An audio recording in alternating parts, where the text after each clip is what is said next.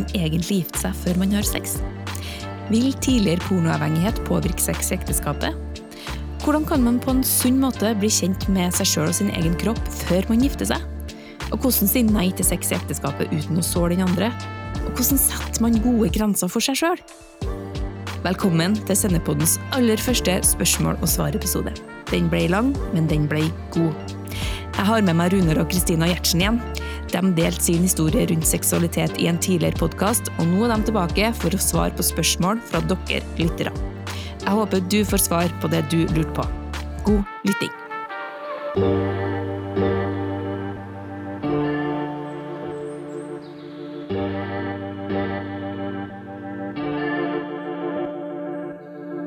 Velkommen tilbake, Runar og Kristina Gjertsen. Takk. Tusen takk for det. Det er veldig artig å lage oppfølgingsepisoder. Vi har ikke gjort det så ofte i Sendepodden, men noen ganger så trengs det. Og når vi snakker om sex, så trengs det jo i hvert fall. Så jeg er veldig glad for at dere ville stille opp en gang til. Veldig kjekt å være tilbake. Ja. I denne episoden skal vi jo ta og snakke hovedsakelig om svar på spørsmål fra lyttere. Tusen takk til alle som har sendt inn spørsmål, det har vært helt supert. Men aller først, um, har dere fått noen tilbakemeldinger på den forrige podkasten? Ja, vi har jo egentlig snakket med flere, eh, og det har vært veldig kjekt. Eh, mange setter ord på at eh, det betyr mye at vi har vært litt sånn åpne og ærlige. Eh, og flere sier jo at de kjenner litt igjen elementer i eget liv. Og flere har jo egentlig snakket om det her at det trengs eh, en åpenhet rundt det, og hvordan kan vi skape en åpenhet rundt det for å være nær og reell med hverandre, da. Så det er jo veldig fint for oss å, å høre. Eh, ja.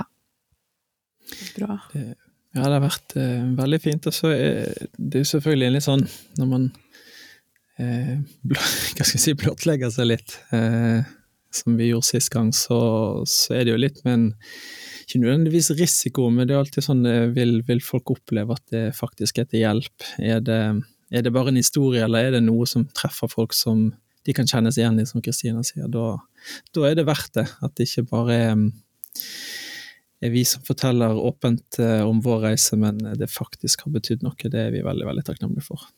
Så det har vært ja. godt. Det er godt å høre.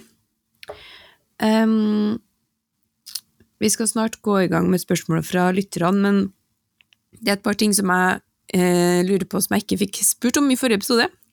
Eh, så da hijacker jeg dere litt her i starten og spør om det jeg lurte på. Og um, det er to litt sånn store spørsmål, men um, det klarer vi. Og det første spørsmålet det er at seksualiteten vår og lystene våre de kan jo gå i litt sånn forskjellige retninger. Men Bibelen er tydelig på at sex hører hjemme i ekteskapet og mellom en mann og en dame. Hvorfor er det sånn? Og er ikke det urettferdig mot dem som verken er gift eller eh, heterofil?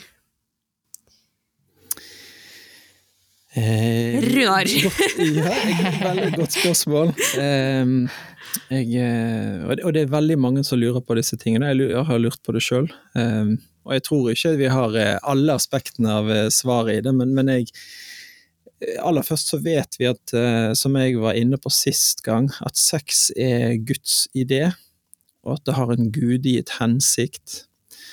og så vet vi helt fra skapelsen av at Gud rammer inn eh, sex mellom to mennesker, eh, en mann og en kvinne, innenfor ekteskapet.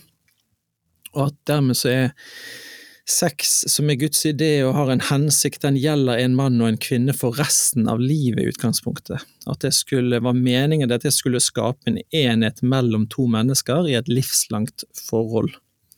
Så det betyr at um, sex er ikke høydepunktet i livet, altså misforstå meg rett, det er veldig kjekt, og det er godt. Fra Guds perspektiv er det ikke ment som et høydepunkt, men um, det betyr at uh, um, sex skulle skape en binding mellom to mennesker livet ut. At det var det som skulle um, være på en måte fullbyrdelsen av at det ble en ny enhet, som det står i første Mosebok, og som, eh, som Jesus sier òg i Matteus 19. Når han får spørsmål om skilsmisse, så sier han har dere ikke lest fra starten av at Gud skapte en mann og en kvinne, eh, og at de skulle leve sammen for resten av livet. Eh, og da blir jo sex, eh, når man setter det inn i rammen som Gud har sagt det, så er det jo noe utrolig sterkt som er ment for en mann og en kvinne til å styrke den nye koalisjonen eller enheten som Bibelen omtaler det som. da. Og da, eh, så, så, det er et veldig, veldig, veldig kort svar på hvorfor er det sånn. Eh, at, at, Bibelen eh, er tydelig på at sex hører hjemme i ekteskapet mellom en mann og en kvinne. Og så er det andre aspektet. Er ikke det urettferdig mot de som verken er gifte eller heterofile? Jo, det hadde vært urettferdig hvis sex var i Guds øyne en en eh, høydepunkt i livet og en viktig del av det å kunne være, leve et fullverdig liv. Eh, sånn Jesus sa i Matteus 19, som jeg nevnte, han sier blant annet at eh, eh, på spørsmål om skilsmisse, så sier han at eh, det er noen som eh, ikke er kikket for ekteskapet. Noen er, er uskikket for ekteskapet fra de er født, noen har blitt det pga. andre har gjort i det, og noen velger å være uskikket for ekteskapet for Guds rikes del. Så det betyr at uskikket i denne sammenhengen er ikke sånn du Ingen vil gifte seg med deg. Du passer ikke. Selv om det er faktisk noe av det, eh, men det er en helt annen eh, sak. da. Men, men, men det betyr egentlig at Jesus her sier at eh, ekteskapet er ikke den eneste måten å leve et fullverdig liv for han.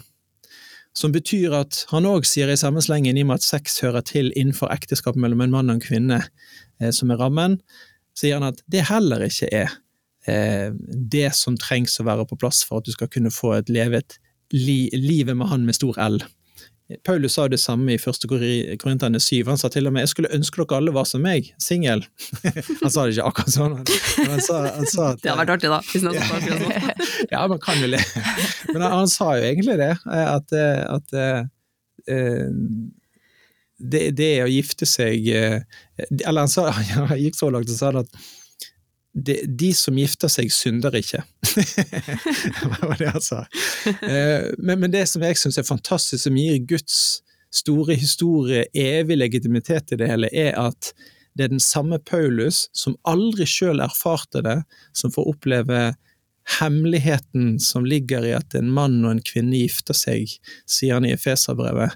At eh, det er en hemmelighet jeg forteller dere nå, at eh, mannen er et bilde på Jesus og kvinnen et bilde på menigheten, og det er et profetisk bilde i det. Og så opplever han det aldri sjøl. Så, så eh, allikevel så oppfordrer han til å leve ugift. Eh, og så sier han mye annet der òg, men, men det, her, her, er det veldig mye å si om det. Men det, jeg syns det er utrolig spennende og interessant perspektiv som Bibelen legger opp til. da.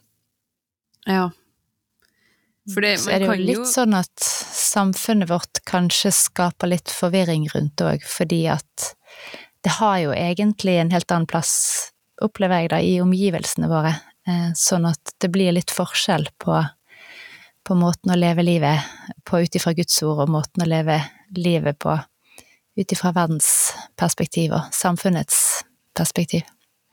Ja, for man kan jo få inntrykk av at hvis man ikke lever et liv der man er seksuelt aktiv, så er det et uh, dårlig liv. ja. det er jo egentlig ganske utrygt, ja. tenker jeg, i omgivelsene våre. Sant? Mye men, sanger og mye filmer som på en måte viser at uh, den ene beste formen for lykke er den seksuelle akten. Så det ligger jo et press i det. Ja, det gjør det. En, interessant ting er jo egentlig at det som fra Guds side skulle ment til å være en enhetsskapende og legende og bindende og en fantastisk fin ting, er i dag kilde til store sår for mange livet ut.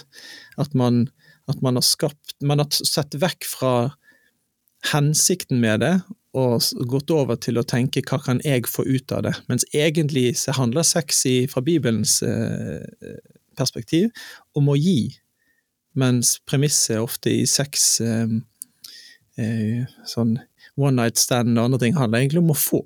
Sant? Altså at du, du, er ute for å få tilfredsstilt deg sjøl, mens, mens, det er ikke det det egentlig var ment som fra Bibelens og Guds side. Så da, da blir det noe helt annet, da blir det årsak til sår. Selv om vi òg har snakket med mennesker som, som innenfor de, disse rammene opplever at eh, seksuallivet skaper sår fordi at uh, Sånn som vi delte sist gang. Fordi det mm. ikke blir brukt på riktig måte og jobbet med. Ja. Ja. Jeg bare jeg anbefaler alle som hører på, å liksom grunne på de her tingene, på å lese den der boka 'Elsk og gjør det du vil' av søster Sofie Hamring, fordi at den er altså så bra. Den går Den forklarer det her på, på, gode måter. For en ting er å snakke litt sånn kort om det i en podkast, men jeg anbefaler egentlig folk å bare lese litt.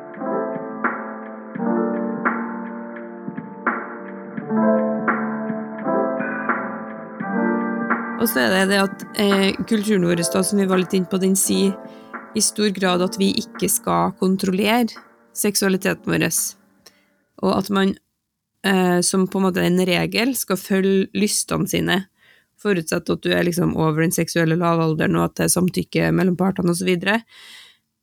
Fordi eh, samfunnet vårt sier at hvis du kontrollerer deg sjøl og ikke gjør det du føler for, så er det det samme som å undertrykke sin seksualitet.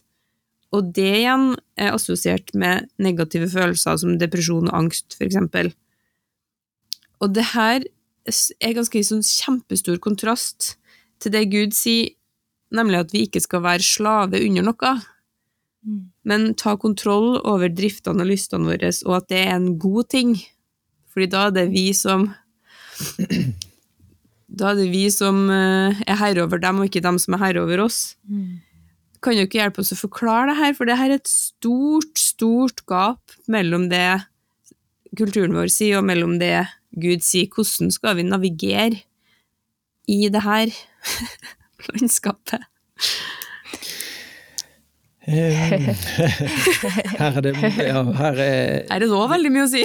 ja, her er det mye, mye å forhåpentligvis mye godt å si. Eh, men eh, altså jeg tenker at to aspekter er det du, det du sier der. altså? Det to, to, to, aspekter. Det ene er hva er Guds intensjon, som jeg nevnte litt grann, i sted. Og den andre delen er jo hvordan navigerer vi? Altså hvordan ser det ut i hverdagen? Hvordan leves det ut?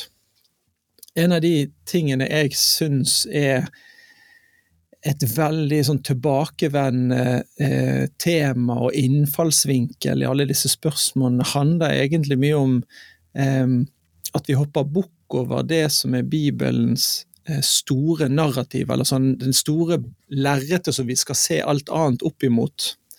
For eksempel så et av de store hovedtemaene i Bibelen er hellighet.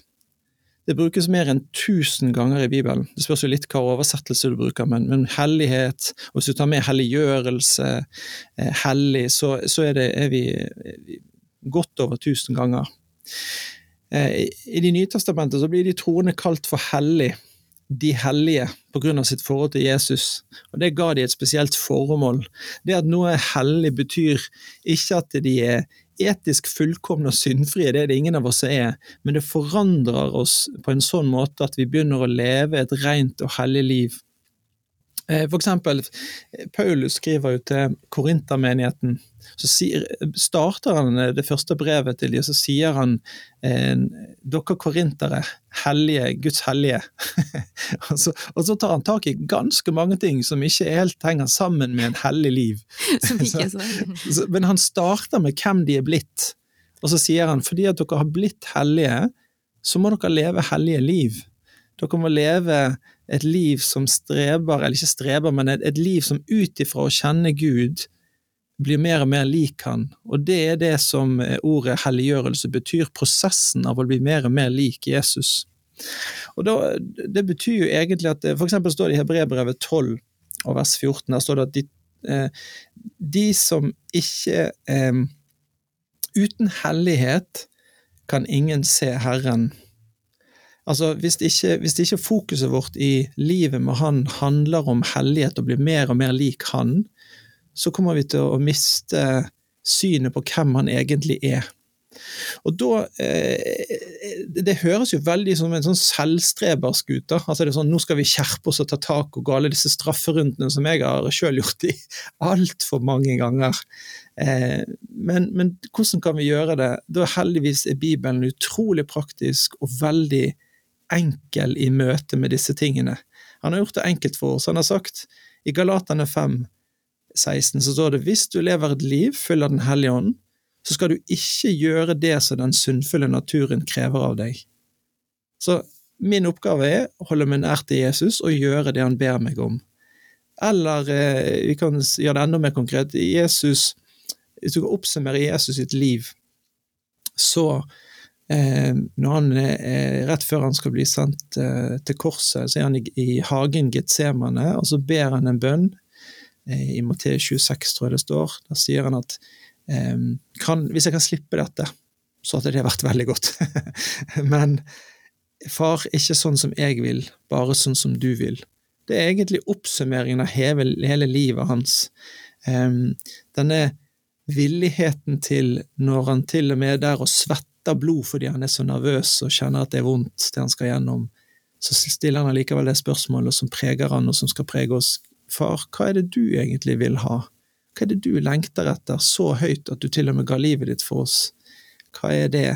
Så da, det, det betyr egentlig at eh, hvis vi skal gå inn i spørsmål som handler om hvorfor er sex så vanskelig å forholde seg til? Jo, fordi jeg tror det er en av de store kamparenaene i livet og i verden.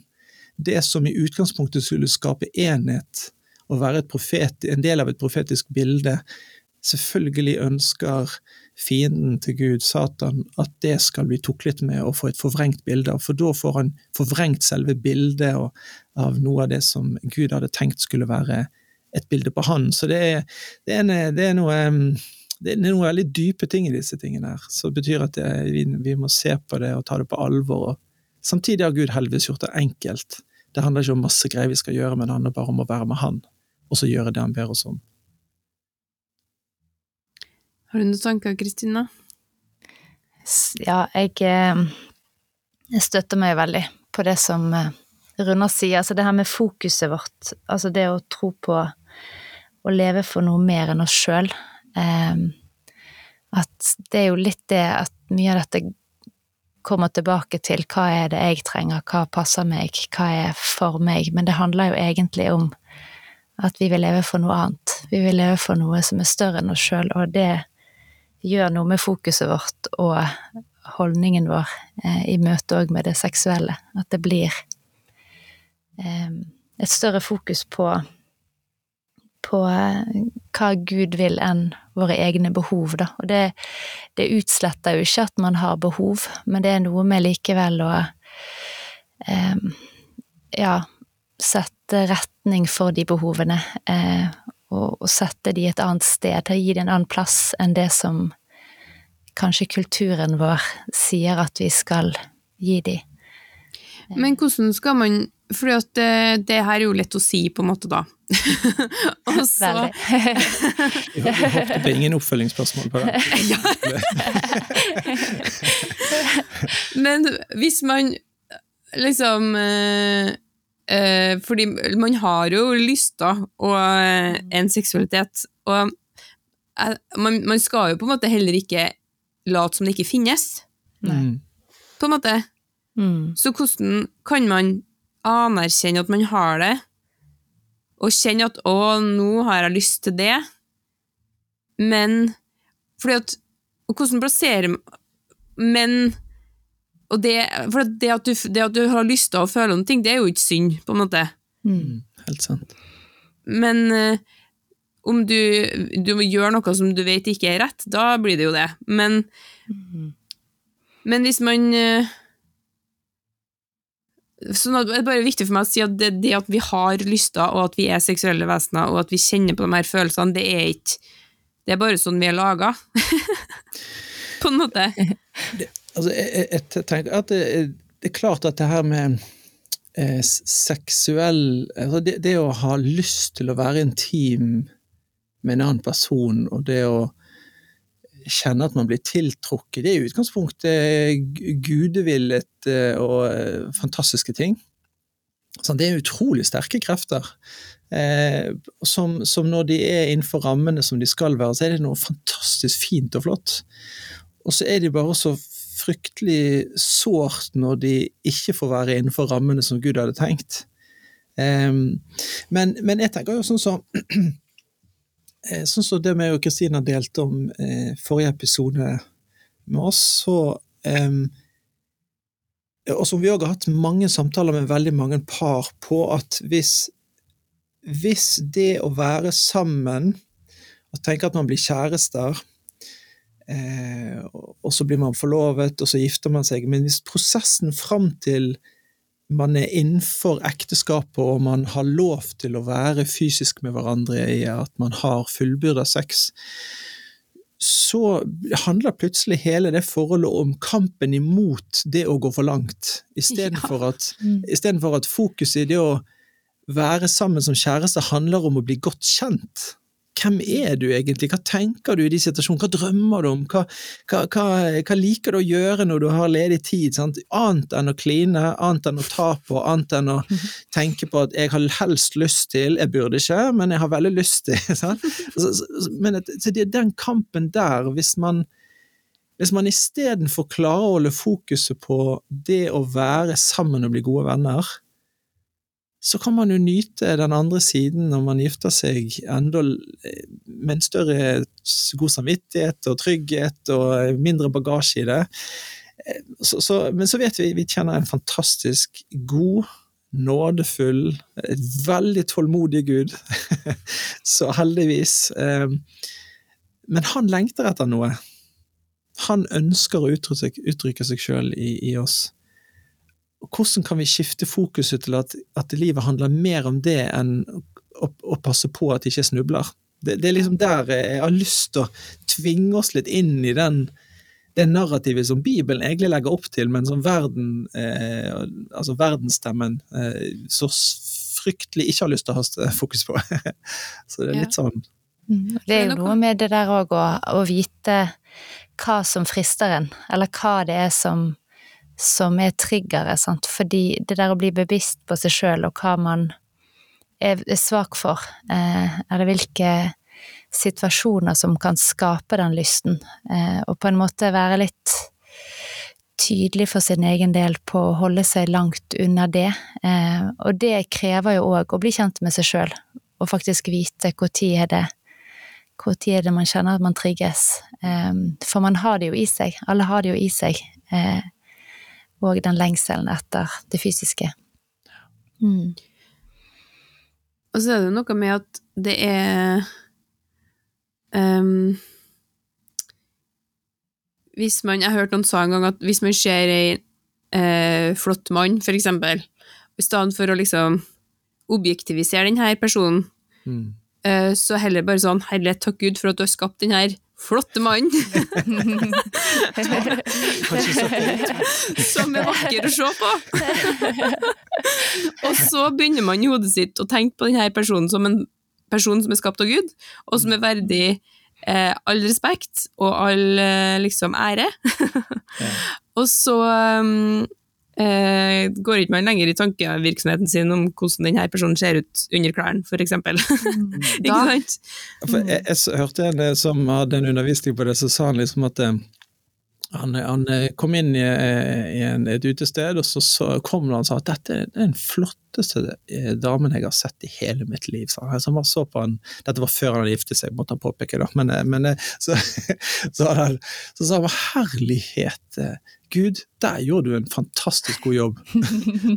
og, så, og, så, sa han, så er utfordringen, så går hun forbi meg, og da er spørsmålet, skal jeg sjekke, skal jeg snu meg 108 grader og tenke, gjorde han en god jobb bak òg? Og så lurer jeg på, kanskje jeg må gå og følge henne ut døren og sjekke, var, var helt sikker. Altså, så, vi må tenke på hva blir fokuset vårt.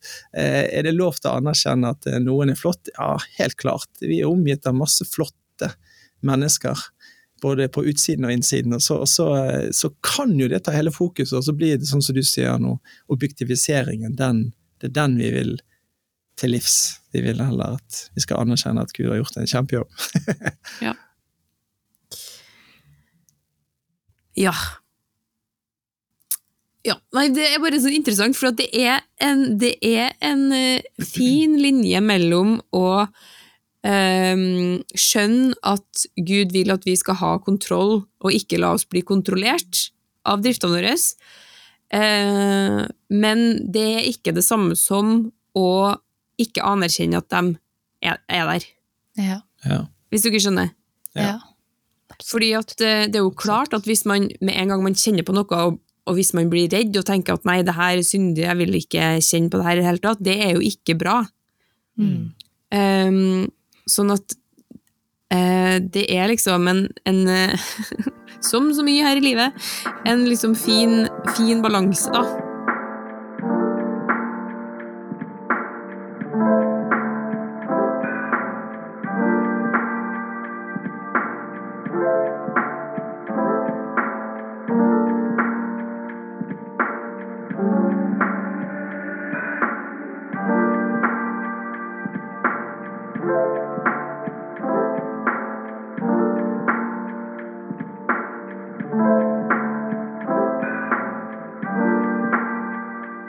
Skal vi inn på eh, lytterspørsmål? Endelig!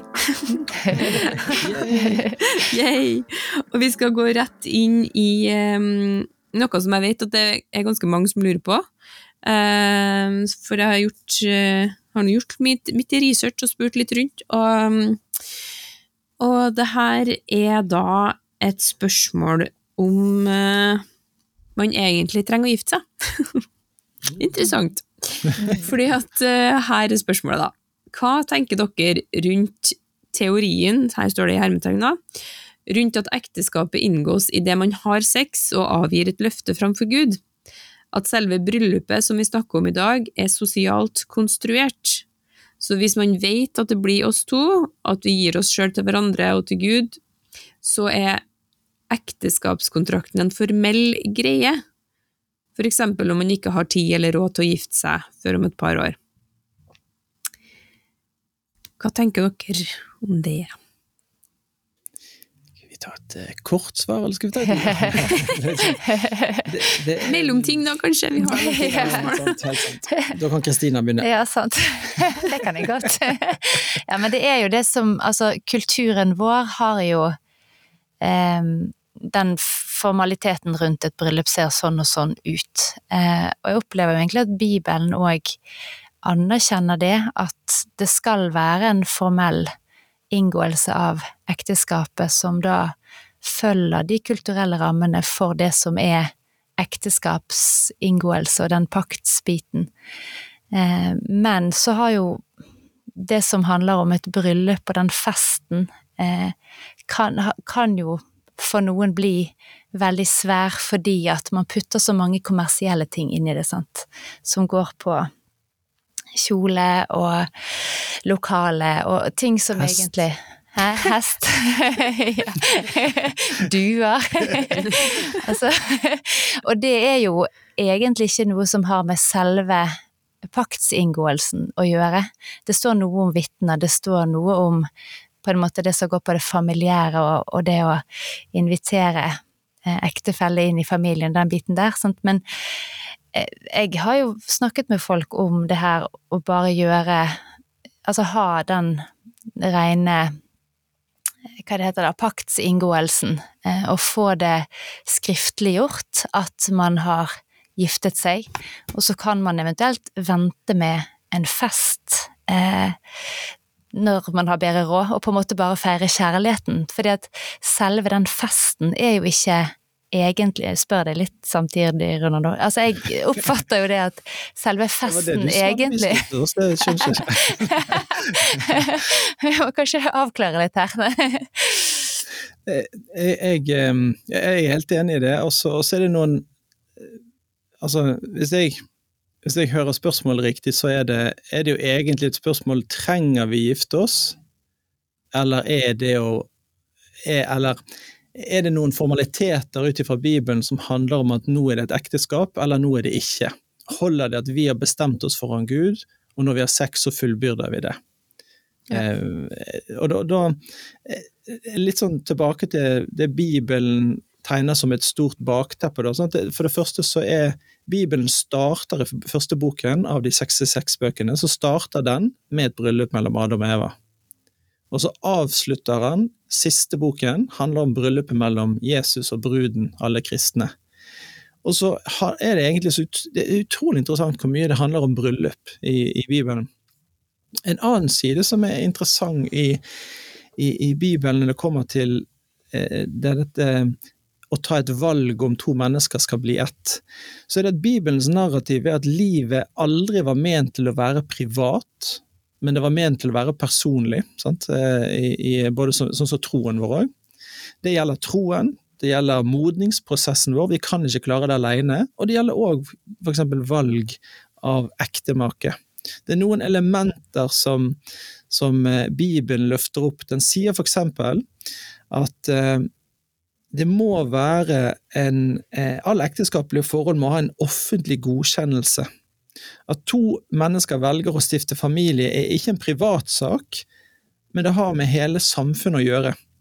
Så På bibelsk tid så var det vanlig at foreldre og, og samfunnet rundt arrangerte ekteskapet, og på den måten godkjente ekteskapene. Så det, det å gifte seg det var ikke et, en privat avgjørelse alene, men det var en du skjønte at det at vi to skal bli ett, og en ny enhet i samfunnet, det er noe, det er noe samfunnet må være en del av. Og så eh, er det en annen side var at man måtte love eh, å være trofast overfor hverandre framfor Gud, men òg i full offentlighet. Det var en offentlig sak, og det har vi jo i Norge òg, at eh, det er ingen ekteskap som er gyldig uten at ekteparet i offentlighet avlegger troskapsløftet overfor hverandre. Så det betyr at det må være en tredjepart, formell tredjepart. Jeg sitter og leser på disse tingene, for jeg skal ha min første vielse faktisk til, til, våren, så da må man liksom inn og ha nesten litt sånn eksa, eksamen i disse tingene i forhold til norsk eh, lov på det. det men, men, her er jo norsk lov egentlig ganske i akkord med Bibelens ramme på det, faktisk. Um, I tillegg så dannes, dannes, det en ny enhet, som jeg har sagt. Bibelen sier masse om det, Fesene 5 blant annet, og første kor 11. Og så står det at eh, det, når to personer har, eller når disse to da har gjort disse tre elementene, det er en offentlig sak, de har bestemt seg foran Gud og for hverandre, de er enige om å starte en ny enhet som er registrert offentlig, altså man er, at man er offentlig med den nye enheten, og da fullbyrdes det er seksuelt å si at nå er ekteskapet fullbyrdet ved at de har hatt sex sammen. Utfordringen er bare et samboerskap eller forhold som handler om at man ikke har oppfylt disse fire kriteriene. Det mangler den grunnleggende paktsfundamentet for å stifte en familie. Nemlig at en mann og en kvinne i offentlighet lover hverandre kjærlighet og trofasthet livet ut. Og Det gjør at eh, å ta et valg, eh, holdt jeg på å si, på ja, alene, det er ikke en bibelsk måte å, å, gjøre det, selv om det er viktig at de tar valg alene. Forstår meg rett. Men, så, så, det betyr at han rent formelt sett ut ifra Guds ord, og òg etter norsk lov, så, så, er ikke det en privatsak. Det er en offentlig sak som er ment til å eh, både feires i offentligheten, men òg eh, være litt sånn fortrolig og forpliktende overfor eh, samfunnet, da. Det er jo som du sier, Kristine, at hvis man har lyst til å gifte seg, så må, kan man jo bare Man må jo ikke ha fest. ja, for ofte tror jeg det er pengene som ja. blir et hinder, sant, og det òg å vente, vente for lenge med å gifte seg fordi at man ønsker å gjøre den festen på en spesiell måte. Da tror jeg òg man setter seg sjøl i en litt sånn krevende situasjon, da, fordi at man trenger egentlig å gifte seg fordi forholdet er kommet dit, og ikke fordi at økonomien ikke er kommet dit. Sant? For det er jo nærheten mellom to personer som avgjør om man er klar for å dele livet og inngå ekteskap og ektepakt. Så jeg tror jo vi av og til kan la litt for mange omstendigheter styre det, mer enn det som egentlig handler om de to som skal dele livet sammen, da. Mm. Bare for å ta en historie. Ehm, en ekte en. Ekte en. Eh, jeg husker når eh, for, Det er nesten 20 år siden. Eh, da var det noen venner av oss som tok imot Jesus, eller de ble venner av oss, vi kjente de ikke før det. og så de hadde levd sammen som samboere, og så blir begge to frelst, tar imot Jesus, og så eh, finner de fort ut at eh, de kan jo ikke leve sånn som dette lenger. Bibelen sier at de må gifte seg. De var ikke helt klar ennå til å gifte seg, så de ville gå en prosess sammen. Så da flyttet de ut fra hverandre. Mm. Eh, Og vennene rundt de som ikke hadde eh, samme referansepunkt til hva man skal gjøre, de bare Hva er det dere gjør på? Sånn at de, eh, når vi var i bryllupet, eh, så hadde de levd avholden fram til eh, det, eh, til de hadde giftet seg. Og da hadde de hatt en sånn presentasjon med en sånn bildepresentasjon, og på slutten så sto det, sto det eh, 'Endelig lov igjen'.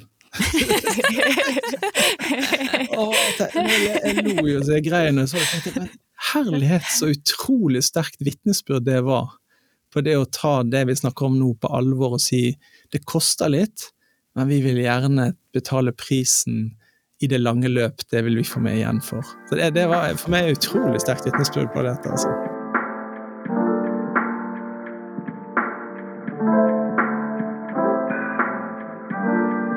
Kan man i underbevisstheten være påvirka av tidligere pornoavhengighet på en sånn måte at det påvirker sex i ekteskapet?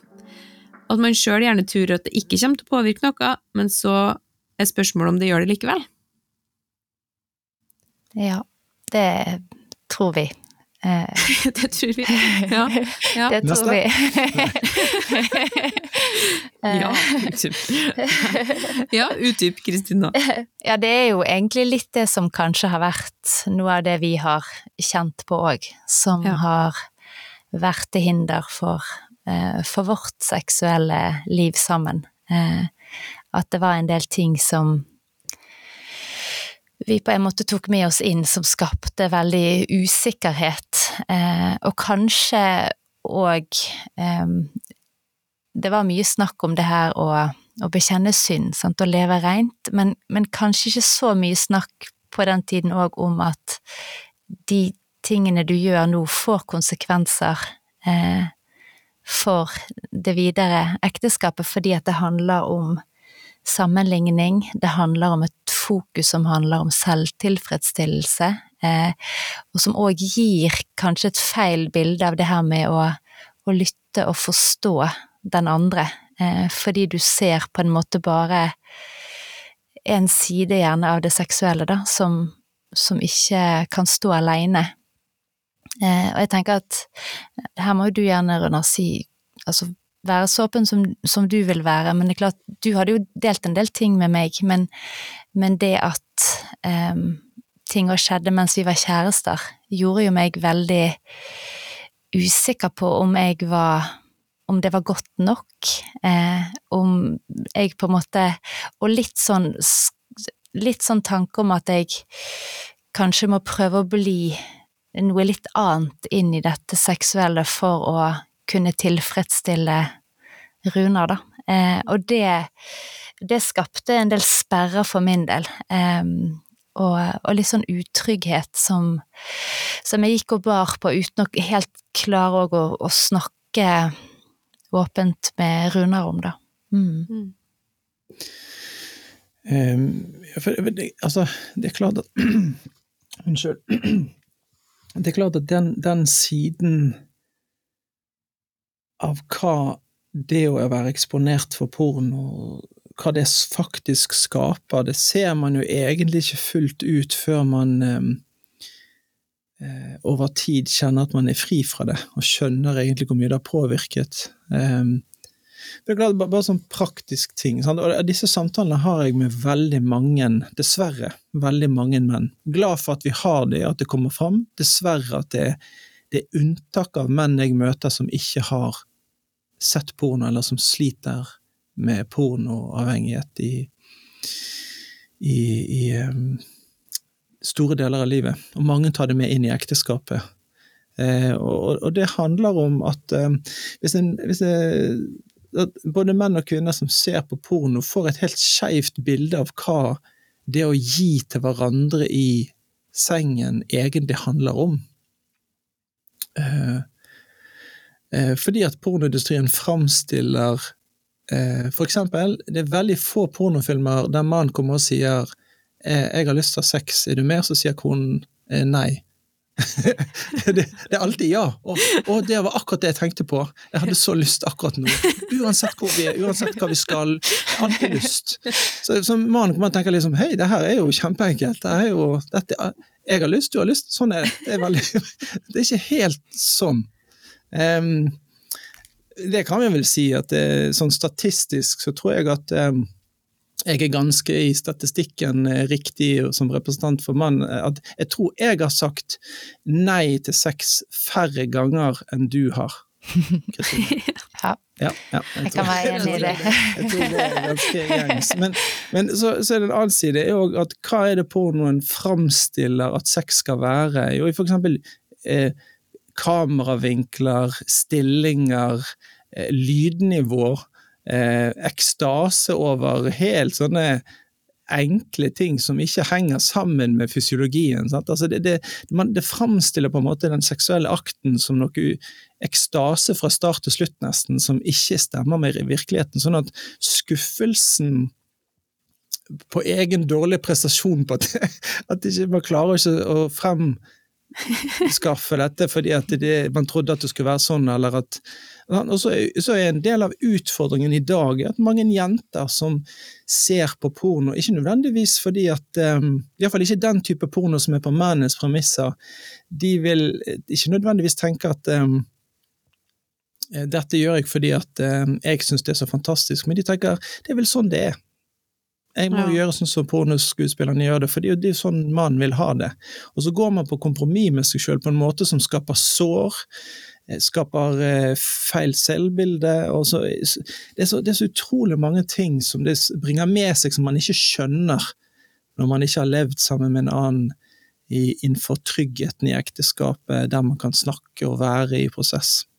Så det betyr egentlig at sexlivet potensielt, hvis man tør å snakke om det og jobbe med det, bare blir bedre og bedre og bedre fordi at man luker vekk alt det tullet det har skapt fra pornoen da, og andre ting. Men hva kan man gjøre da, hvis man er i den situasjonen at man har sett porno, og så da skal man gå inn i et forhold, og så eh, og så tror man at man på en måte er ferdig med det, men så er det noe hva, kan man gjøre?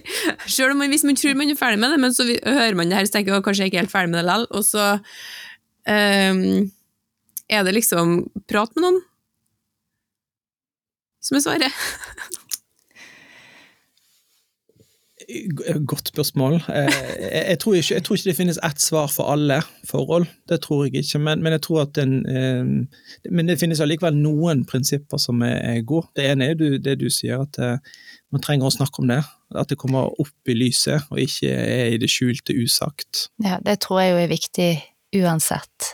Men vi har jo kjent litt på at Jeg kan dele det som det at du gikk og snakket med noen er det greit at jeg sier noe om det? Det er fint at du spør meg live nå, men eh, ja. nei, nei, nei, det går veldig fint. nei, vet du hva jeg eh, henviser til? Ja, ja. kjør på. Ja. For det, vi hadde vært gift en del år, um, og så var det uh, Og så hadde Runar sett på porno. Um, og så hadde han snakket med en nær venn og bekjent, og og på en måte ja, kjent at han var egentlig eh, ferdig med det og gått videre. Eh, og jeg vet ikke helt hvordan vi kom inn på det, men vi satt i hvert fall i en samtale der vi kjente Eller der, der det ble egentlig nødvendig for deg å fortelle meg det også, eh, selv om selv om du hadde tenkt at det var egentlig greit at du hadde delt det med... ja, jeg, jeg, jeg, kjente at jeg ville dele det med deg, men jeg tenkte at det, det viktigste var at jeg hadde, hadde, kommet opp i lyset, så hadde jeg gjort det som jeg hadde gjort før vi giftet oss. Hvis jeg hadde utfordringer med disse tingene, så ville jeg leve i lyset, så fortalte jeg det til en god venn. sant? Og så, og så fortsatte man i samme mønster når man giftet seg. Eh, eller mønster, dette skjedde den gangen, og det var en sånn eh, dårlig samvittighet, og tenkte hvorfor i all verden har jeg gjort dette? Og så og så um, deler jeg det med den kameraten, som jeg pleide å gjøre uh, når jeg før ekteskapet. Og så, så når Kristina kommer hjem, så deler jeg det med deg, fordi jeg tenkte jeg ville leve åpent med det òg. Men, men det, var, det var liksom Det var noen skifta premisser som jeg ikke hadde skjønt. Det skapte plutselig et sår som ikke var Fordi jeg hadde ikke gått til deg først, men jeg hadde ikke delt det med deg.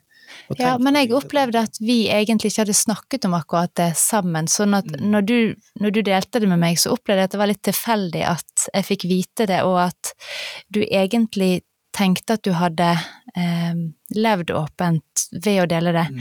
med en kamerat, og så kjente jeg at jeg ønsker å avklare dette fordi at jeg har behov for å vite det.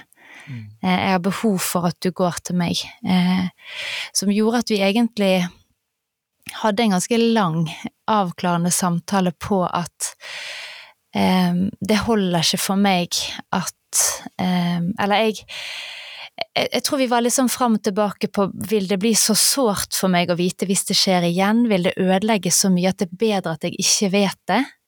Eh, der, der Runar òg sa at eh, han visste om flere som var blitt enige om det, at ikke hun ville vite noen ting, fordi at det skapte et et eh, ubehag i forholdet, et ubehag i, i, i sexlivet. At ting hadde skjedd, eller ting hadde skjedd etter man giftet seg også, som gikk på, på porno og avhengighet rundt det. Mm.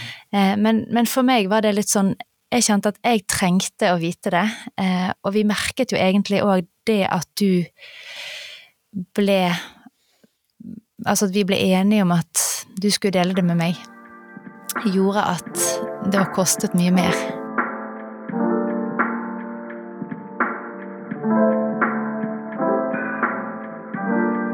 Ja, har, har hatt mange samtaler med mennesker om dette, akkurat disse situasjonene, og da, og da er det sånn I alt annet vi gjør i, i, møte med folk som er gift, så vil vi at det vi gjør, skal styrke ekteskapet. Sant? Om det er snakk om økonomi, om det er snakk om barneoppdragelse, om det er snakk om prioritering av tid, krefter, fokus, så vil vi at snakk med din kone, snakk med din ektemann, dere må ta en avgjørelse sammen. Og så kommer man til dette området, og så er det mange som sier at eh, nei, det, er bedre for mannen å ha en annen mann å gå og snakke med, sånn at det, eh, det blir liksom Det kan bli for mye eh, vanskelig å stadig ta opp dette. Og da sier jeg at den, den beste hjelperen jeg har hatt i hele mitt liv på dette med porno, det er Kristine. Jeg har aldri møtt en mindre forståelsesfull og eh, mindre forståelsesfull person, da, som, som, i tillegg tok det så personlig at det ble sårt og vondt en periode. og det er helt naturlig, det er, det er, akkurat sånn det skal være. For jeg, mm. for jeg, jeg, jeg sitter og tenker eh, det, det, er en mann eller en dame som sliter med disse tingene, minst trenger å høre, er, sant, en av de eksemplene jeg har hørt om en, en mann som går til en annen mann og sier 'jeg har gått på porno'. Å ja, så, så, du er en mann du òg? Mm. Så tenker jeg det er ingen hjelp. Det er null hjelp til å leve et hellig liv, det. Mm. Det er null hjelp til å ta tak i dette. Så, så det å komme til Kristine og bare få ingen forståelse for at, hvorfor har du gjort dette, det er den beste hjelpen jeg har hatt noen gang. For jeg vil aldri oppleve at Kristine skal kjenne på det igjen. Eh, og at jeg skal investere i det som, som vi har sammen, eller eh, eh, rive ned det. Sant? Så det, det, gjør at det, det har vært en fantastisk hjelp. Så vi så det å være åpen om det, og det er mitt råd til hvis det kommer noen menn og sier at eh, bør jeg si dette til min kone eller til min forlovede eller min kjæreste, sier jeg ja, og ikke hold tilbake. Eh, men hvis dere blir enige om at det er bedre for hun at du har en mann å gå til, men hun vil gjerne vite hvis du har gått for langt, eller sånt, hvis du sliter, snakk med den, så er det fint, da har du styrket forholdet deres. Men ikke hopp bukk over den viktigste i livet ditt, og det vanskeligste du jobber med. Um, la, la, dette òg styrke forholdet på en måte som gjør at det er avklart hva dere velger å gå for sammen. Uh, og det tenker jeg er en kjempeviktig ting. da. Mm. Ja, det var jo denne praten hadde vi jo, jeg tror vi har vært gift i fire år, når vi på en måte landet disse ja. tingene. Ja, tre-fire Og så gikk det jo eh, syv år før vi på en måte måtte ta et Og det gikk jo på andre ting igjen, så, så vi kjente på Det var jo mange faktorer som spilte inn, som gjorde at det ble krevende for oss eh, å ha et sunt og godt sexliv sammen. Mm. Mm. Takk for at dere fremdeles eh, også deler litt. Det tror jeg er så bra med ordentlige erfaringer på dette området. Eh, bare, vi var inne på det her med, at, eh, med det nei-et. Fordi jeg har også fått inn et spørsmål som jeg glemte av å skrive i guiden, men eh, det er liksom hvordan Fordi det står jo i Bibelen, da, og tilbake til den, at, at liksom mannen skal elske kona si, og kona skal respektere mannen sin. Og um, kona skal også elske mannen sin, selvsagt, men liksom, det, det er spesifisert det her med respekt. Mm. Hvordan kan man si nei til sex på en respektfull måte, Mm. uten at man på en måte skyter manndommen i uh, rett ned, på en måte? Ja, jeg kjenner jo på at det er jo kanskje der vi har funnet eh, balansen sammen, ved at eh, det er helt nødvendig at vi gir hverandre eh,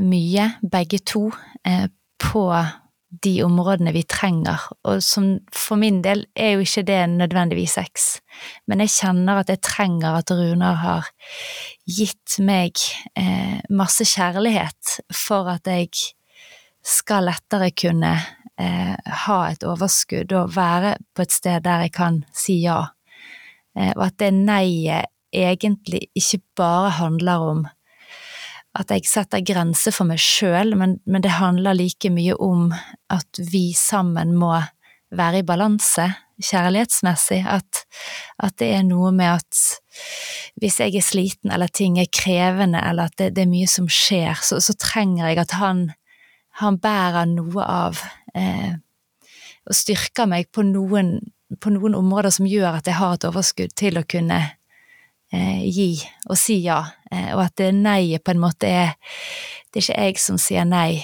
til han, men, men det er noe med at vi ikke er i balanse som gjør at vi har en eh, et overskudd eller en, en ro der det er lett å gi.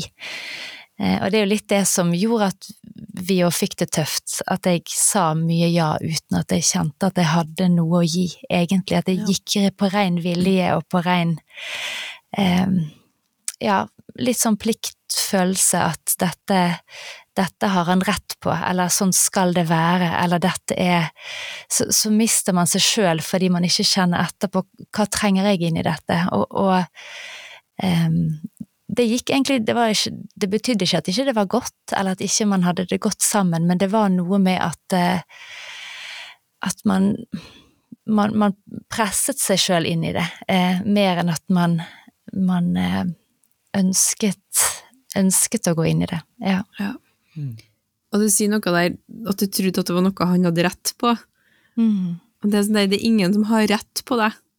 Nei, Ever, det er jo akkurat noen gang. det. Ja. Virkelig. Mm. Men det er, en, det er en interessant, sånn rent sånn kirkehistorisk messig på dette, da, sant? og forholdet mann, kvinne og seksualitet der, er jo at um, man har en tendens til å løfte opp eh, det Paulus sier når han snakker til korintermenigheten i, i, eh, i, første korinterbrev eh, syv. Eh, så, så snakker han jo om at det er bra, eh, eller det er sånn at mannen eier kvinnens kropp, og kvinnen eier mannens kropp. Og at de Han sier til og med at de, det er viktig at de ikke skal holde seg vekke fra hverandre, utenom hvis de begge er enige om det for å innvie seg i bønn. Og så skal de komme tilbake igjen, eh, og da snakker han seksuelt, for at ikke Satan skal få rom. Sant? Utfordringen er når man tar og har en bibelfortolkningsmåte, at man bare henter ut enkeltvers og tenker nå bygger vi vår sexiolog, eller sånn um, eh, ideol- Nei, sånn em, vi bygger vår teologi på det seksuelle området på det bibelverset. Da, da har vi en utfordring, og, det er utfordringen store utfordringen her er jo at eh, den kirkehistoriske eh, sexteologien henger mye på det verset der. Men hvis du da hopper inn i Efesene 5 og snakker om at eh, mannen skal gjøre sånn som Jesus, han skal legge ned sitt liv for sin kone på samme måte som Jesus skal livet sitt for menigheten, det er ganske selvoppofrende. og kvinnen skal respektere mannen. Da er det jo egentlig sånn at det er mannen som er lagt på ekstra mye som handler om å tjene hun. Hun skal respektere han, hun skal gi seg til han òg. Men, men de, man lese liksom summen av Guds ord på dette området òg. Da får man en, en sunn og god teologi på det seksuelle. Bibelen sier mye om disse tingene, men, men man har hatt en tendens til bare til det bibelverset i, til Paulus i første Korinterbrev. Og da blir plutselig sånn mannen kan kreve å ha sex, og, da, og, og vi vet at de fleste menn har en høyere sexdriv enn de fleste kvinner. Og så er det noen kvinner som er ikke sånn, og noen menn som ikke er sånn. Um, og da er det klart at da eh, vil man fort oppleve en ubalanse i at mannen hele tiden vil ha, og har krav på det ut ifra første kor. Men hva er det det egentlig betyr? Sant? Det, det, hvis vi tjener hverandre og respekterer hverandre, og først er vi underordnet hverandre, da blir jo dette noe som skjer ut ifra et, et, et ønske og en lengsel etter å, å gi og Da blir det veldig flott, men ikke når den ene krever og den andre bare føler jeg må gi fordi du har rett på det. Mm. Det blir fryktelig over tid. Ja. Um, så, så det, det, er en sånn eh, Ja, det er en balansegang, og så er det, er det prosess. Ja. Altså, hjelper jo ikke det på når man uh, går gravid og føder barn og hele kroppen er liksom i ubalanse i tillegg. Så det kommer liksom lag på lag med ting som gjør at kroppen bare absolutt ikke vil. så må jeg spille i hele. Ja, noen ganger så er jo nei bare jeg er råtrøtt det har ikke noe med det å gjøre. Han må sove. Som oftest. Mannen skjønner ingenting av det argumentet. Liksom, ingen... Råtrøtt, hva, hva, er problemet med det? vi, kan, vi, kan, ha vært sint, nå er ikke vi langsinte, det blir veldig sjelden at vi er sint så er mer enn noen timer, men, men det er sånn um, uh, Men vi kan ha vært sånn ikke kommunisert lenge men jeg ser ingen hindring i at vi kan ha Jeg ser ingen hindring, sånn, sånn rent sånn fysiologisk. Ingen problem. Mens det gjelder jo ikke for de fleste damer, sant? så det, det, er klart at um, da blir det en, en skjevfordeling, en sånn rent respons i kroppen. Ja, ja. Det er det siste som ryker for min del eh, i, i, eh, i, eh, av primær, eller ikke primærbehov, men av, av, Det skal veldig mye til for å hindre at uh, lysten skal forsvinne. Ja. Så det er jo en sånn interessant ting. Ja, det er noen ganger man må bare ta en prat først. Og så kan man gå videre.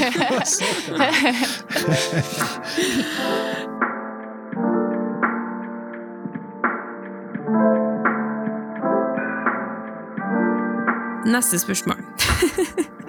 Vi har mange, og det er veldig spennende, ser jeg. Eh, ok. Er alt eh, seksuelt lov i et ekteskap så lenge begge syns det er greit?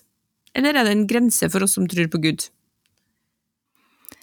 Vi tenker vel at porno ikke hører til eh, i Altså det å se porno sammen som en del av en oppvarming eller eh, Det tenker vi ikke hører med eh, i den seksuelle akten. Og så vet vi jo at det er mer og mer eh, vold i sexakten, altså flere I pornoindustrien. I pornoindustrien, ja. Som òg kanskje påvirker litt forventningene til eh, hvordan den seksuelle akten skal være.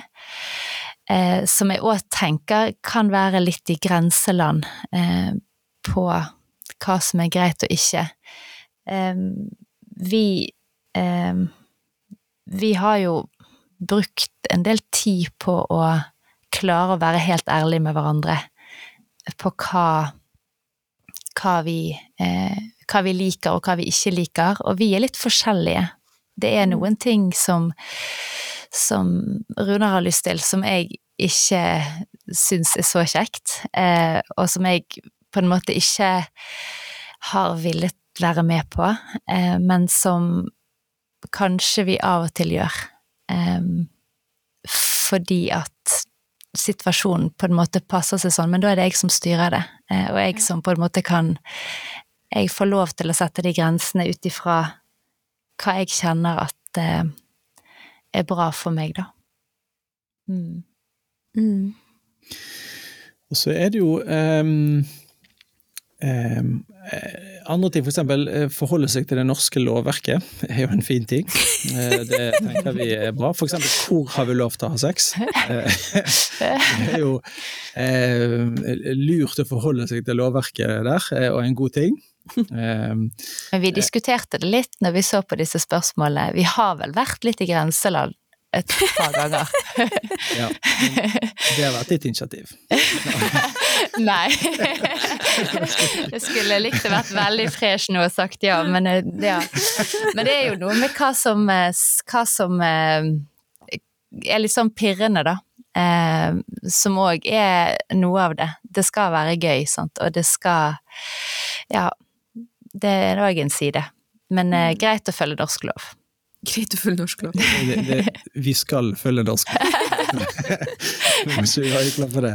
Uh, en annen ting er at uh, uh, vi tror som kristne at sex innenfor ekteskapet er eksklusivt og utelukkende for de to som er gift. Det betyr f.eks. at vi tar ikke andre med inn i akten. Vi tar ikke inn andre, det er for to personer. Det er, så trekant eller firkant eller sekskant eller hva i all verden man sier, så gruppesex og sånn, det, det, er ikke greit i forhold til Guds ord for oss som er kristne, fordi at eh, Bibelen setter ramme for at det er mellom én mann i entall og én kvinne i entall, for at de to skal bli ett. Og da, selv om man eh, tenner på det, eller man har, syns at det kunne vært spennende, så, så skal man eh, ut ifra hva Guds ord legger opp til, så er det òg en, en, ramme. Derfor vil jo det å være ta porno, derfor når Kristina sier det altså, Vi har jo snakket om det, og snakket med andre folk om det òg, at det, det, er klart at eh, når Jesus sier at en mann som ser på en kvinne med lyst, altså han har lyst til å ha sex med henne, han har i sitt hjerte drevet hore eller hatt seksuell omgang med henne, egentlig. Um, og at det er dermed synd. Vi må være opp, fokusert på hva vi ser på, for det skaper noe i oss, og det er faktisk synd å objektivisere en kvinne sånn. Det vil jo si at hvis, eh, For en mann å sitte og se på porno mens han har sex med sin kone, det vil være egentlig å putte andre mennesker inn i akten som ikke er greit. Mm. Um, så, så, så, det er viktig å ha sagt, sånn at uh, at man ehm, at der, eh, der, er det egentlig ikke slingringsmål. Det er ikke sånn at det, er greit for dere at dere har tro for det. For det er per definisjon å se på andre mennesker med lyst mens du er med din kone eller mann. Det er, ikke greit, eh, rett og slett etter Guds ord. Um, og, så ehm, er jo spørsmål, En del av spørsmålet var vel egentlig Eller en, en, en annen avgrensning, hyppighet. Mm. Jeg kan vel ikke med, med, Bibelen i hånd si tre ganger maks i uken, det kan vi ikke si. Sant? Men, men, så det er mer Snittet i, sånn rent statistisk er vel egentlig én gang i uken. Ja. Um, sånn rent um, Det å ha sex.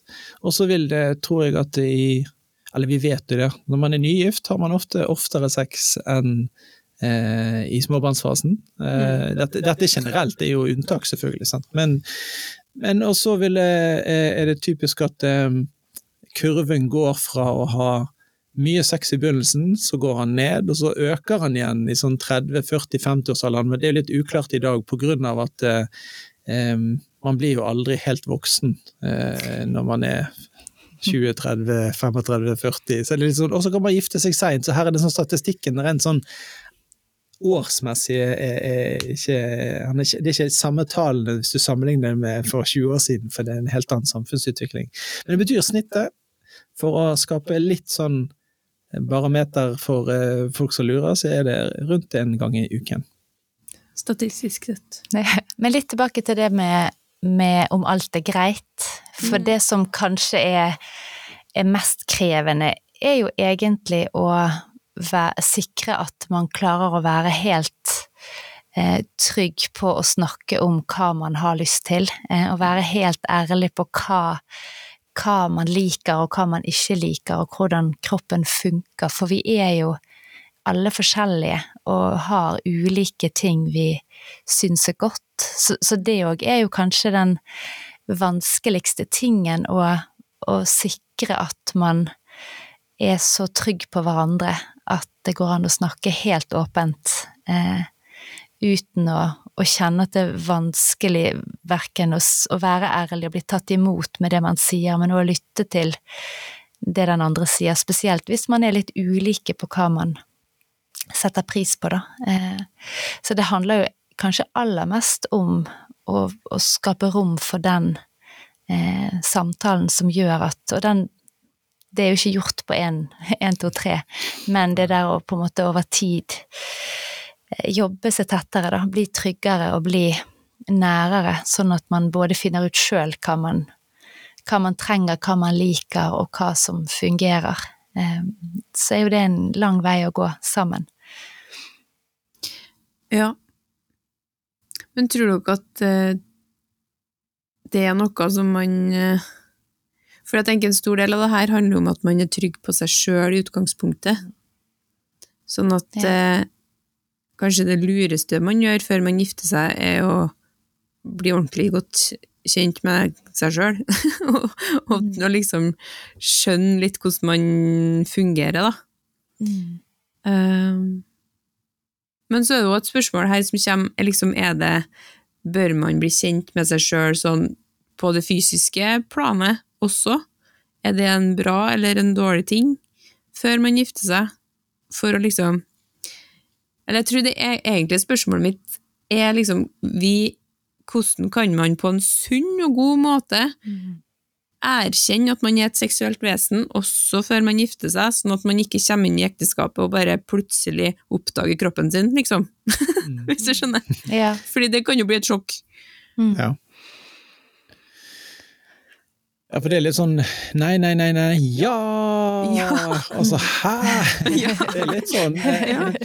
Men, eh, men, der igjen, sant, denne eh, Jeg har lyst til å bare si det som en liksom premiss for, for svaret på spørsmålet. Da, fordi det er klart at med en gang vi begynner å definere oss som seksuelle vesener, og, og noe, av, noe av historien, eller samfunns historien rundt oss, er jo egentlig at hovedidentiteten vår er vår seksualitet.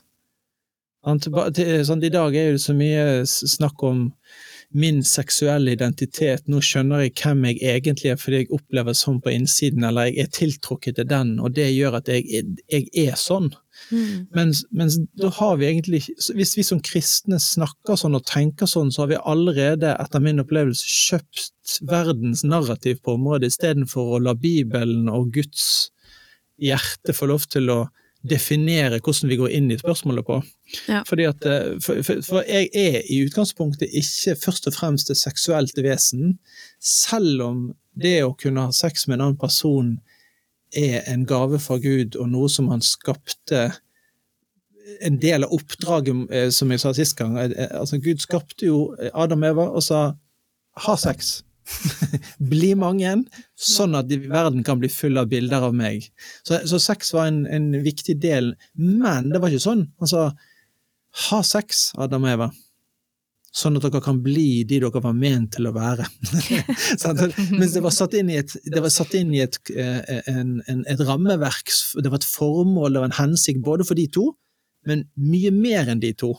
Det handlet egentlig om noe mer. Mm. Og det gjør at Hvis jeg gjør det til å handle om meg og min selvrealisering og finne ut hvem jeg egentlig er, så har jeg kjøpt på en måte et feil premiss for å gå inn i det. Så, så, jeg, bare, så jeg, har lyst til igjen å bare si liksom Vi trenger å gå inn i disse tingene på en måte som gjør at vi ender opp med helliggjørelse og frihet faktisk i Kristus i det. Og da kan vi òg kjenne liksom På den andre siden så vil du ha et fantastisk sexliv. Ja. Men det er på det premisset, liksom. Sant? Og det, det, gjør at uh, Ja. Men for, med det som bakteppe, da, ja. så, så, så, tenker jeg at um, trenger vi, vi, trenger å snakke om sex um, i det å Sånn som når vi følger opp uh, unge par, som eh, eh, først er kjærester, og så forlover de seg. Og så, men vi, vi, vi, da pleier vi å ha at vi snakker om eh, eh, hvordan fungerer kroppen vår, hvordan kan du ha god sex? Men vi starter ikke det når de blir kjærester. vi må starte det når det begynner å nærme seg ekteskap, så ikke vi trigger noen, eh, noen eh, følelser og tanker som er prematurt. Mm. Eh, Samtidig så må vi snakke om det. Det, det må være, det kan ikke være en sånn nei, nei, nei, altså ja, lykke til! Mm. Lykke til! vi håper dere Det må være faktisk at vi snakker konkret og ærlig om det. det og, og da har vi vært så ærlige med mennesker. Vi har sagt. Sant? Det noen, noen, noen har jo lyst til å snakke om dette, noen tenker Please kill me now. Er liksom sånn, så, så, da, så noen har jo spurt, eh, spurt Kristine hva med intimbarbering? Har det noe å si? Hva med, hva med eh, å, å sitte med et speil og finne ut Jeg har aldri sjekket meg sjøl, har jeg lov til det? Hva? Sånne, sånne konkrete ting. Sånn at du faktisk finner ut av noen ting før man eh, skal overlate det til å gjøre det med andre. Sant? Så det, det, det er en viktig ting å bli kjent med seg sjøl. Og så kan du allikevel, eh, hvis vi nå sier bli kjent med deg sjøl, kjør på, så kan noen tenke ja! så, da er det fritt fram. Rune og Kristina sa det. Men, men det er jo ikke helt sånn.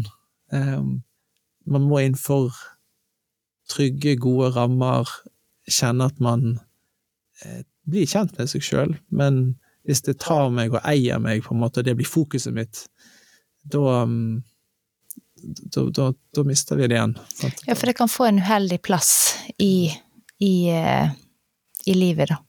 Ja. Mm. Jeg tenker, Hvis man blir vant til å på en måte kunne onanere hver gang man har lyst, så kommer det til å gå utover selvkontrollen din når du er gift, Mm. på en måte. Ja. Ja. Ja. Sånn at det er en lur ting å lære seg å flytte fokuset eh, en del ganger Mm. eh, før man gifter seg også. Ja. Altså, eh, nå, nå, eh, en side med dette med onani, sant? for nå nevnte ikke jeg det spesifikt, men jeg tenker det, men når du ser det òg, så, så er det litt sånn Her er det jo ulike meninger, men vi får, får litt ulike råd på disse tingene. Sant? Eh, Noen vil si at eh, å onanere i seg sjøl, det er ikke greit. Og så bruker man gjerne historien om onan i Bibelen. Eh, Så er det litt ulike meninger om den der, men, men jeg tenker at noe av det som utfordrer det å si jo, det er greit å onanere, er at hvis du kombinerer med det det Jesus sa om at hvis en mann ser på en kvinne og eh, driver og ser på henne med lyst, og har lyst til å ha sex med henne, da har han syndet mot denne kvinnen, selv om han ikke har gjort det. Han har ikke, han har ikke hatt sex med henne. Da, da for, altså for, for en gutt, da, så er det utrolig vanskelig å løsrive de to.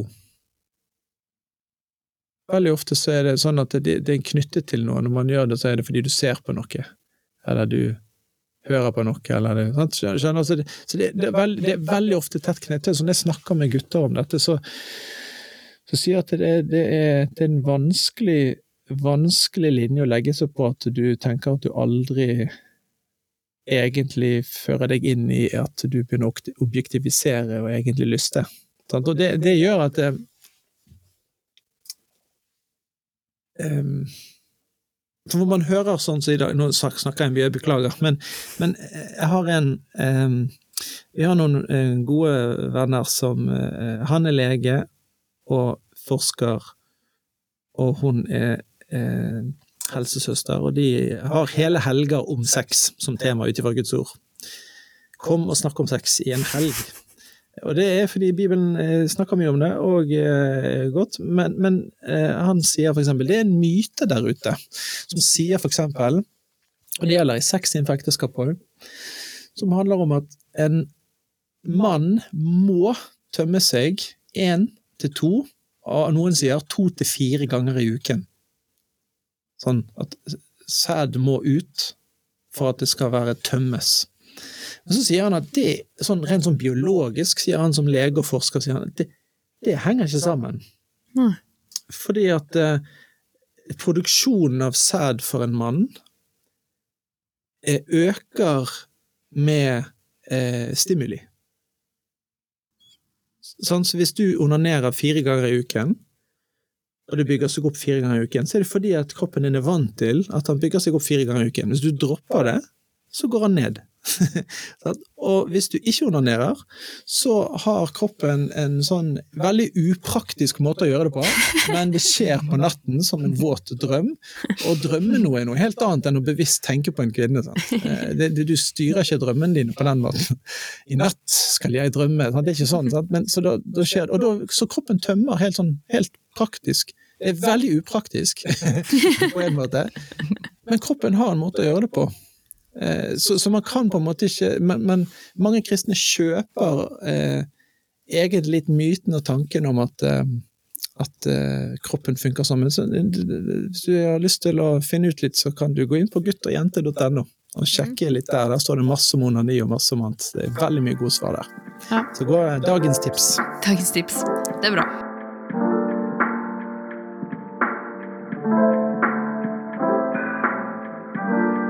Her er det om litt sånn hvordan man skal forholde seg til det her eh, i forhold til barn og sånn. Eh, mm. fordi hvordan kan man oppdra barn og ungdom sånn at sex ikke skal være enten forbudt, vanskelig, eller som verden og Hollywood sier at den er, men noe som Gud har skapt, som er bra innenfor rammene.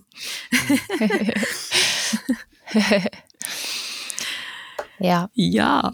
Har jo, eh, vi har jo vært veldig opptatt av det med åpenhet. Eh, det er for seint å begynne å snakke om sex når ungen ungene er tenåringer, eh, og man tenker nå er de klar for å, å prate. Mm. Så vi har egentlig snakket om kropp som en fast del av alt vi snakker om, og hver gang ungen har spurt om ting, så har vi svart.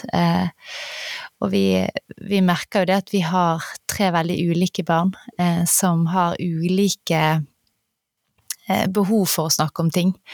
Og det har jo gitt oss òg veldig mye Vi har lært veldig mye av det, å skjønne at de, de trenger ting på ulik måte og ber om ting på ulik måte, men jeg opplever jo at alle barn egentlig eh, trenger svar, eh, og de trenger å ha trygge voksne der de kan om de ikke snakker direkte om ting, så snakker de likevel om noe som vil kunne gi de noen svar uten at vi går for dypt inn i ting og det blir ubehagelig. Men, men vi har vært veldig opptatt av at hjemmet vårt skal være en plass der, eh, der man kan få svar på alle ting og snakke om og ting, og, og det der å sette litt sånn retning for hva vi tror er det beste for dem.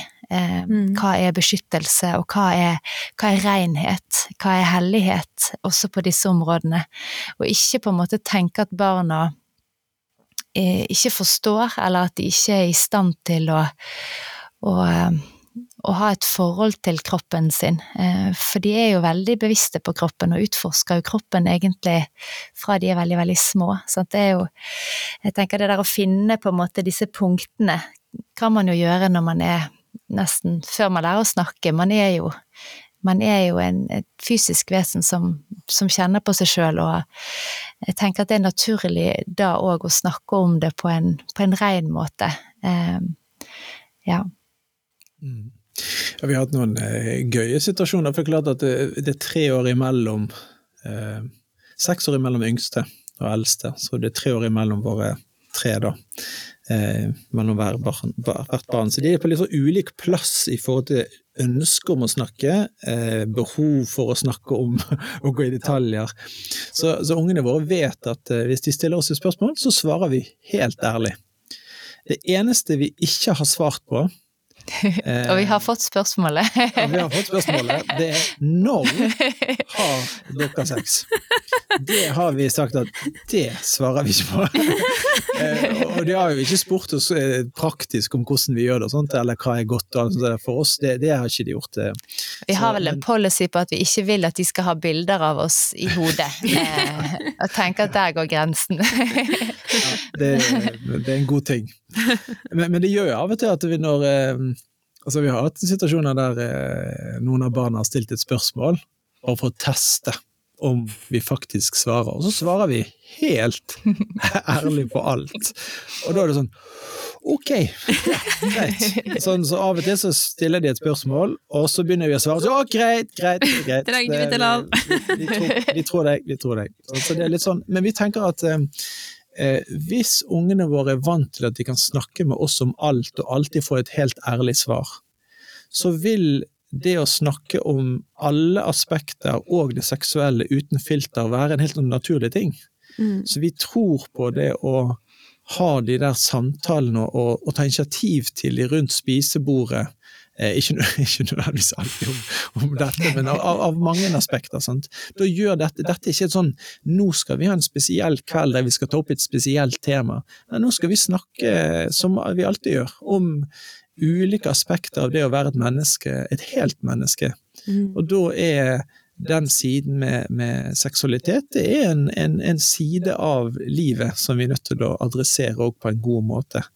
Eh, Og så er det viktig for oss som kristne foreldre at vi at vi òg i disse tingene refererer til hva Bibelen faktisk sier, sånn at ungene blir Det betyr ikke at de nå bevisst tenker ja, vi ser teologen, men, men, men de, de innser at Bibelen faktisk har svar på alle livets spørsmål.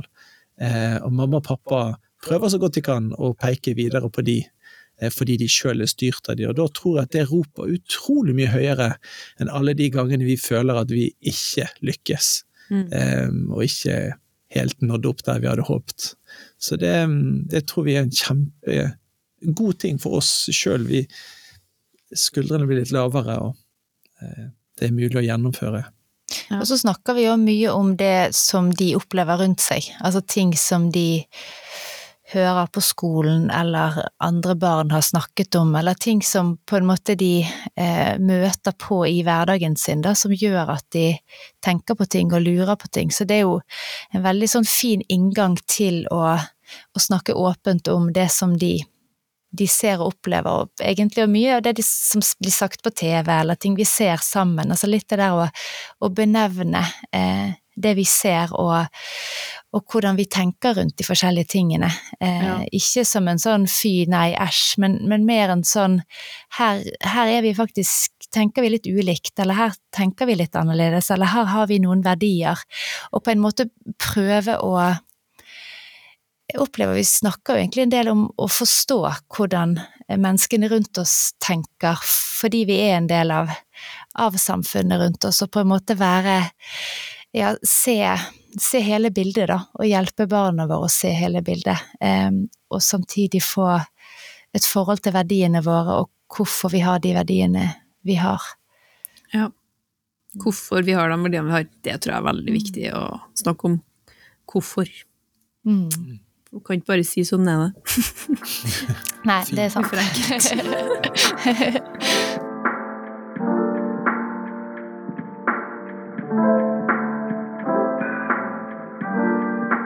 Hvordan skal man forholde seg til sex og Gud sånn egentlig? Fordi det, det er et så godt spørsmål. Sånn der, det er spesielt kanskje mange damer som, som hvis man tenker, hvis det er sånn ordentlige kristne jenter som kanskje tenker at uh, sex er litt sånn det henger Man får ikke helt å stemme opp i hodet med hvordan man på en måte er, og, har, og opplever seg sjøl i forhold til Gud, og liksom eh, At man kanskje kan slite med å slippe seg litt løs og føle seg fri til å kjenne på de her følelsene, fordi at eh, det er kanskje ikke sånn veldig snill pikeoppførsel alltid, og så, er, og så krasjer det litt med liksom at man tror på en hellig gud. Skjønner dere hva jeg mener? Mm, absolutt. Det er jo litt det her dyriske urkvinnekoblingen som man egentlig skal kunne få muligheten til å få kontakt med i den seksuelle akten. Eh, Ja.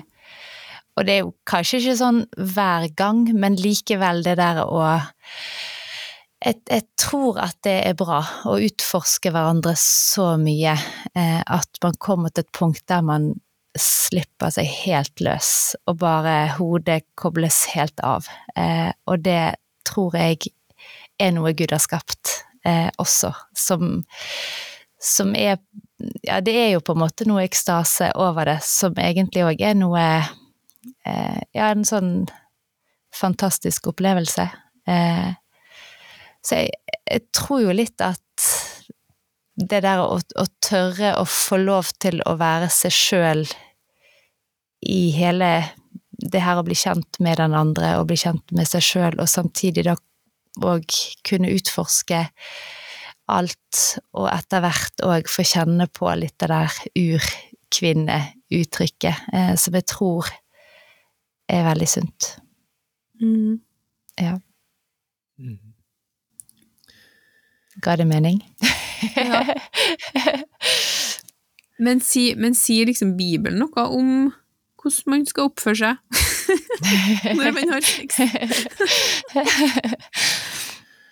Um, det var litt annen målenhet, men det står noe om desibel. Nei, det står ikke. Det står ikke.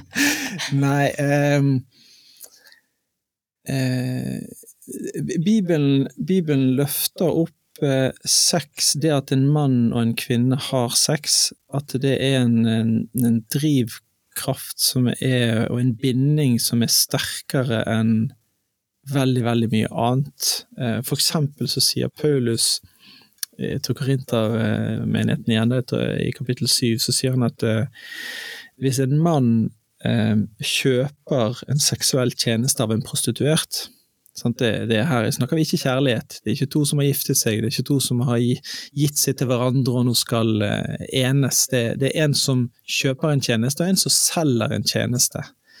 og da sier Paulus at den mannen blir ett med denne prostituerte gjennom den seksuelle akten. Eh, og derfor sier, eh, sier Paulus at eh, vi skal ikke vi skal, vi, skal, vi skal, ære ektepakten og ære ektesengen. Det står det òg i hebreerbrevet, at alle skal holde ektesengen i ære. Eh, og det er fordi at den knytningen som oppstår mellom en mann og en kvinne i den seksuelle akten, er sterkere enn veldig, veldig mye annet, eh, og som er ment til å forenes, de to. Man blir egentlig ett både i kropp, emosjonelt, sånn følelsesmessig, sjelen, og åndelig. Så blir man litt det som Kristina snakker om, men denne ute av seg sjøl, eh, man slipper alle hemninger, bare gir seg til denne. Man refererer ofte, som du sa, Kristina, det er det, den dyr, den urkvinnen dyr. Litt usikker på hvordan disse urkvinnene og urmennene var når man liksom refererer til dem sånn, sånn men, men det er noe med for vi tror jo at uh, vi ikke kommer fra dyr, men, men, det men, det handler litt om at vi gir oss uten hemninger til hverandre. Altså Det er det vi gjør, vi gir oss til den andre. Og da tenker jeg at eh, Bibelen legger veldig lite begrensninger på både desibel og uttrykk eh, av hvordan det skal være, så lenge det er en, en opplevelse at begge to gir seg til den andre, og ikke bruker den andre til å få. Mm. Eh, for det er noe veldig, veldig vakkert som oppstår eh, når, når, man kommer til det stadiet at man er så trygg at man ikke tenker på hvordan ser jeg ut, hvordan lukter jeg, hvordan eh, svetter jeg for mye nå, er det for varmt, jeg, liksom, gjør jeg noe feil? Man bare gir seg til den andre. Eh, og det er noe utrolig vakkert som, som eh, skaper en binding som ingenting annet gjør, da.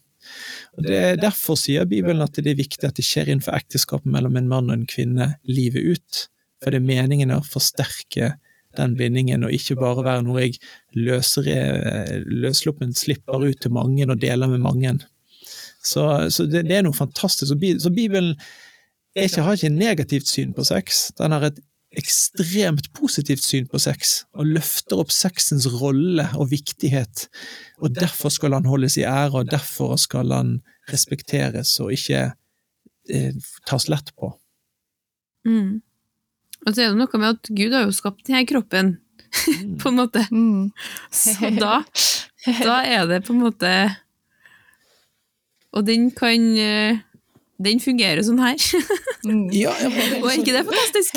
Visst er det et sånn banalt eksempel for å bare prøve å framstille litt hvordan, hvor, hvor forfinet vi leser Bibelen, hvor forfinet vi tenker. La oss tenke Jesus. Gikk han på toalettet? Altså, måtte Jesus tørke seg når han hadde gjort nummer to? Det, er noe med at Vi har en tendens til å tenke at når Jesus ble fullt ut menneske, så han gikk aldri på do, Han luktet alltid godt og blomster og, honning. Sant? Det lå alltid var. Men det var ikke sånn. Det var, det var, han var et fullt ut menneske. Det betyr at um, det var noen sider der som han òg hadde, da. Men, men, vi vet at han aldri hadde sex. Vi vet at han aldri giftet seg. Um, selv om Bibelen egentlig framstiller noe sånn dypt teologisk, da, men han framstiller egentlig at Jesus bar en kvinne i sin, sitt indre. han gikk på korset for bruden som han en gang skulle gifte seg med, så vi leser Johan i åpenbaringsboken. Som er noe sånn Han hadde et annet, større blikk for øyet for hvorfor han kunne lide, og hvorfor han kunne han ville frigjøre denne bruden. Nei, det, det, til og med det eh, sier Bibelen handler om ekteskapet. Og, ja, men jeg tenker jo det, Der er det jo inne på noe av det som kanskje handler om den urkvinnen, da. Frigjøre mm. bruden. Altså ja. det at man gir seg sjøl For det å få en sånn fantastisk seksuell opplevelse gjør man ikke uten at begge stimulerer og nærer hverandre ut ifra at man kjenner hverandre så godt at man vet hva den andre trenger, og kan møte de behovene mm. gjensidig. Så det er både en respekt og det er en nærhet og det er en intimitet som må legge til grunn for at man skal virkelig kjenne på denne frigjøringen i den seksuelle akten. Og det mm. tenker jo Bibelen peker også på i denne intimiteten som, som blir løftet.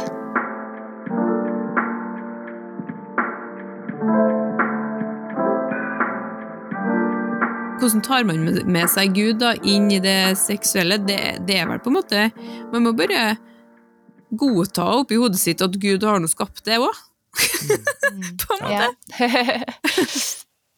Men vi har jo snakket en del om behovspyramiden, altså den der Maslows behovspyramide, litt fordi at jeg opplever jo egentlig at Bibelen snakker om at den seksuelle delen er mer på selvrealisering, mens, mens kulturen vår snakker om det seksuelle som mat, drikke, klær, altså de der helt primære behovene, og at kanskje der òg er det litt sånn mismatch eh, mellom hvilke behov vi skal dekke, eh, og hvilke behov som på en måte hører til i en litt annen kontekst, da, men som ikke er en del av det grunnleggende hverdagsbehovet. Eh, og hvis man flytter litt fokuset på det, så vil jo det òg kanskje få litt rett plass i livet vårt.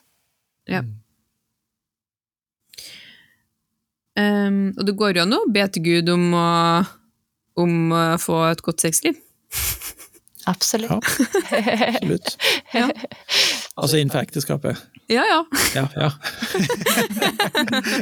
nei, nei. Ja, ja. Men, men, altså, det, det, vi har, det, altså, det er klart, folk kan ha et kjempeflott sexliv i et samboerforhold og i et, um, i et um, um, Altså, man kan ha god sex selv om man er singel og møter en annen som er singel og har en one night stand og sånt, eh, men vi tror ikke at det er rammen som Bibelen har satt. Så, så, så det, det, er litt den siden. Vi har noe litt sånn, Hvis man tenker at eh, eh hvis det å ha sex utenfor ekteskapet, det må være fælt, mens innenfor, da er det bra. Men det er jo ikke sånn det er. Sant? Det er jo, det er jo, no, det er, det er jo sterke, veldig flotte, sterke følelser, men skal det ha sin plass for oss som kristne på optimalt grunn, så er det innenfor ekteskapet. Men det funker ikke automatisk der heller, det må snakkes om, og det må gå sin vei. Eh, derfor eh, er det jo litt sånn eh, Man blir bedre i det man øver på. Ja. sånn er det. Sånn er. Eh, og det tenker jeg er en, eh, en, fin ting. Det er godt. Det er viktig at vi tar dette òg som en del av det å være gift for Gud. Vi, det er ikke bare sånn som det var for mange år siden. Eh, sex, det har vi for å få barn. Eh, ja, eller litt sånn som vi håpet når vi var små. Jeg håper egentlig at jeg er adoptert, for det betyr kanskje at mamma og pappa ikke har gjort det. Men, eh, men, men så det er jo litt sånn. Ja. Um, hva, hvis man skal gi, eller sånn, hvordan kan man gi kristne unge mennesker noen, noen uh, verktøy for å liksom bli robust, uh, for å gå inn i det her ekteskapet, eller øh, hva er viktig kompetanse liksom, for å navigere i og tørre å være åpen om egne grenser og egne følelser og egne lyster, på en måte, når man eh, er i et forhold og etter hvert tenker man skal gifte seg, da? Vi har jo snakka om mye, men det er litt sånn der man, man må, For det første tenker jeg da at man, har nødt, man må være trygg på seg sjøl. og, yeah. og man blir jo også trygg på seg sjøl i, i sammen med den andre. Så liksom å bare tørre å være seg sjøl sammen med den andre i enhver annen situasjon er et veldig godt utgangspunkt for å tørre å være seg sjøl i en seksuell setting. Med Ja. den, ja. Helt sant. Ja. Absolutt. Så tenker jeg det er i hvert fall lurt. Ja. Ja, det, er- det er klart at eh, hvis, hvis man er usikker um, Eller hvis man tenker at jeg er avhengig av at den andre ser meg for at jeg skal ha verdi, eller at eh, eh, jeg trenger bekreftelse for at den andre for å kunne kjenne at jeg er innenfor, så er utfordringen at det tar man jo da med seg inn i sengen. Ja. Eller andre plasser man har sex. Så, så det er litt sånn eh, Det er noe med at da da eh, Det kommer til å skape premisser. Så det, så det å kjenne at man er trygg på hvem man er i Kristus, og så går man inn i et forhold på det grunnlag, Ja. det, det, det er alltid en, en, en, en god ting. Det er alltid en god ting. Ok, nå lover jeg siste spørsmål. Um, og det er et bra, en bra plass å avslutte, egentlig, fordi at eh, eh, man kan jo tro at på en måte sex er høydepunktet i livet, men hva om man aldri blir gift? Har man da gått glipp av det største i livet? På ingen måte. Nei. Konklusjon, ja. Nå snakker jeg etter 20 års erfaring. Uff a meg.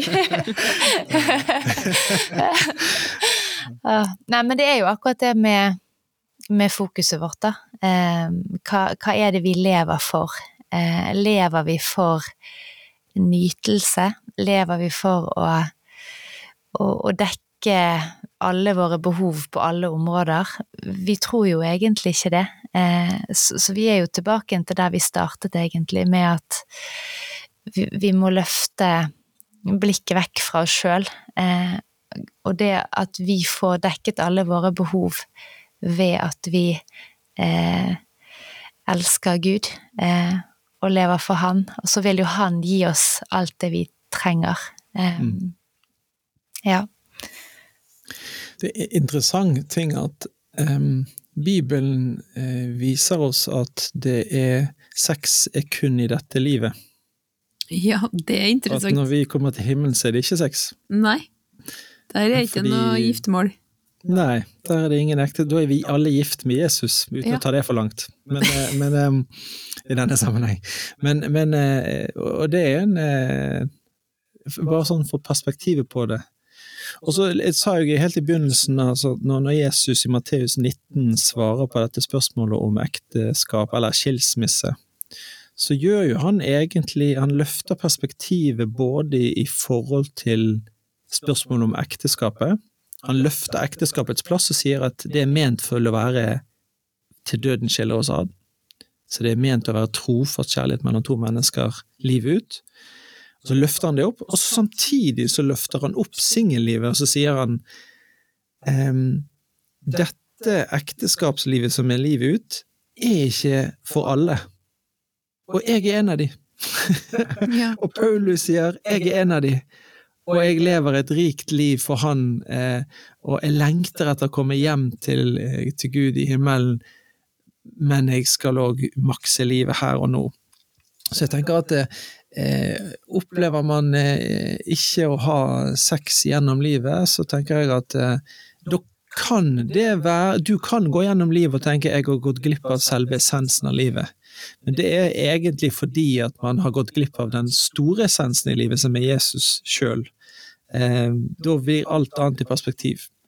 Og, og, hvis du sitter her og hører på dette når du er i tenårene, der kroppen er i sin fulle liksom, oppblomstring. Altså, jeg tenker de, fleste gutter og jenter er jo inne, og spesielt gutter er jo innom tanken om sex ekstremt mange ganger i løpet av en dag. Så når jeg liksom hiver ut dette her, så høres det veldig sånn Det er noe alvorlig galt med meg. Mens, mens, mens eh, og hvis du da hiver på at eh, pornoen roper, eh, musikkindustrien roper det, filmindustrien, serieindustrien, alt roper at sex er det viktigste i et forhold. Dere må finne ut om dere passer sammen. Men så er, sier Bibelen at start med meg. Søk meg og mitt rike, så skal du få alt det andre i tillegg. Hvis du starter der, og får alt annet i perspektivet for til det, da da, da, kan man hvile på en annen måte, da. Så begynn der. Begynn der, og enn der, og bli alt imellom der. Da, da, da hvis du da gifter deg, så kan sexlivet òg potensielt bli bra. mm. Så det er en god ting. Supert. Eh, tusen takk skal dere ha. Nå har ikke jeg noen flere, eller jeg har helt sikkert flere spørsmål, men ikke som er skrevet ned. um, det her var veldig, veldig fint. Jeg tror det er så bra å snakke om, og tusen takk til alle sammen som har sendt inn spørsmål. Jeg håper at uh, de episodene her kan være til hjelp, og, og kom, og, og hvis det er noen som lurer på noe mer, ring oss. ja, Eller gjør det. ja. Vi svarer gjerne.